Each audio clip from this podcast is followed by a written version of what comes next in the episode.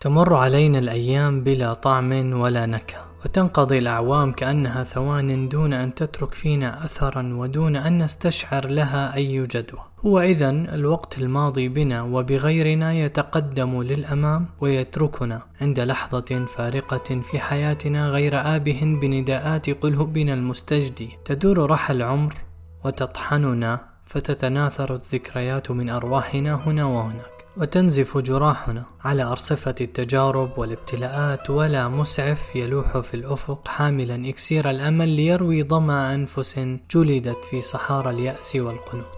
الأمل يا لها من كلمة. فلو قرأناها كما ينبغي فيا سعدنا. ولو زاغت أبصارنا قليلا وتشابهت الأحرف علينا فلن يكون من نصيبنا إلا الألم. المسافة بين تناقضات الحياة ليست آمنة. قليل من الضباب في الطريق وشيء من الغبش في الأعين كفيل بأن تضل الخطى وأن يظلم الدرب. فما ينبغي منا إلا أن نسير بحذر وثقة كي لا نقع في كمائن الحياة كالشعور بالعجز أو النقص أو اليأس.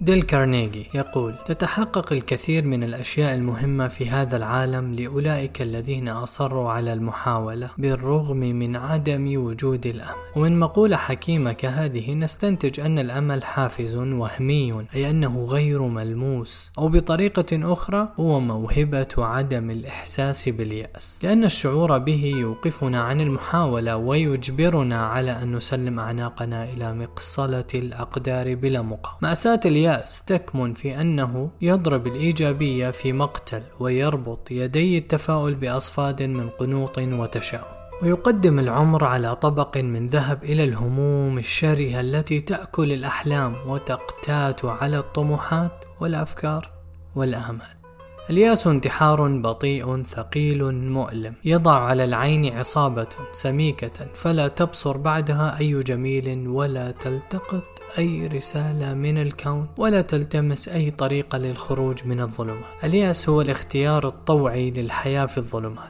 اليأس كائن سوداوي يصم ما يتعلق به بالسواد فلو حط على قلب أحدنا لأحاله ليلا بلا نجوم. أعلم أنه يكون آخر ردة فعل للإنسان الذي توهم بانتصار الحياة عليه لكنه وبكل صراحة موقف هزيل ينم عن الضعف المفرط الذي يتخيله المنهزم راحة له من عناء الأمل. نعم لا ننكر أن الحياة على الأمل متعبة وأنه جهاد عظيم للنفس والواقع البائس والمخاطر المحدقة التي تنظر بأعين جاحظة ومحاولة التي تنظر بأعين جاحظة محاولة إخافتنا من أعباء الطريق. وقد يظن اليائس من أمره أنه باستسلامه سوى يثني المصائب عن الحلول لكنه فما من شيء أكثر إغراء للمصائب من اليائسين وليس من المنطق المنطق أن يظن عابر الطريق السيار أنه سينجو إذا توقف تماما في منتصف الشارع.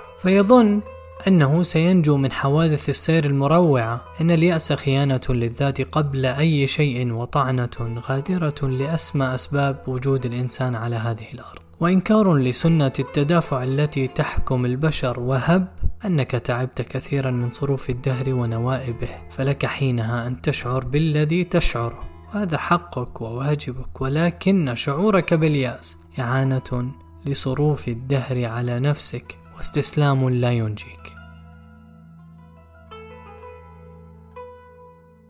أعلم يا صديقي أن الحياة قد تثقلك أحيانا بما لا يطاق لك أن تبكي أو أن تصرخ أو أن تتذمر أو أن تعتزل الناس والأشياء كي تضمد جراحك في صمت. ولك مثلا أن تصبر نفسك بكتابة مقال كهذا الذي تقرأ. قال الله عز وجل في قرآنه المجيد قل يا عبادي الذين أسرفوا على أنفسهم لا تقنطوا من رحمة الله إن الله يغفر الذنوب جميعا إنه هو الغفور الرحيم إن هذه الآية المباركة أمر إلهي كوني مباشر بالابتعاد عن اليأس لأنه اجتلاب مفبرك لنهاية غير محتملة الوقوع بعد. النهاية الحق هي الموت، وليس لنا أن نستعجلها أو نستأخرها بإرادتنا لأنها أكبر من صلاحيتنا وقدرتنا وعلمنا.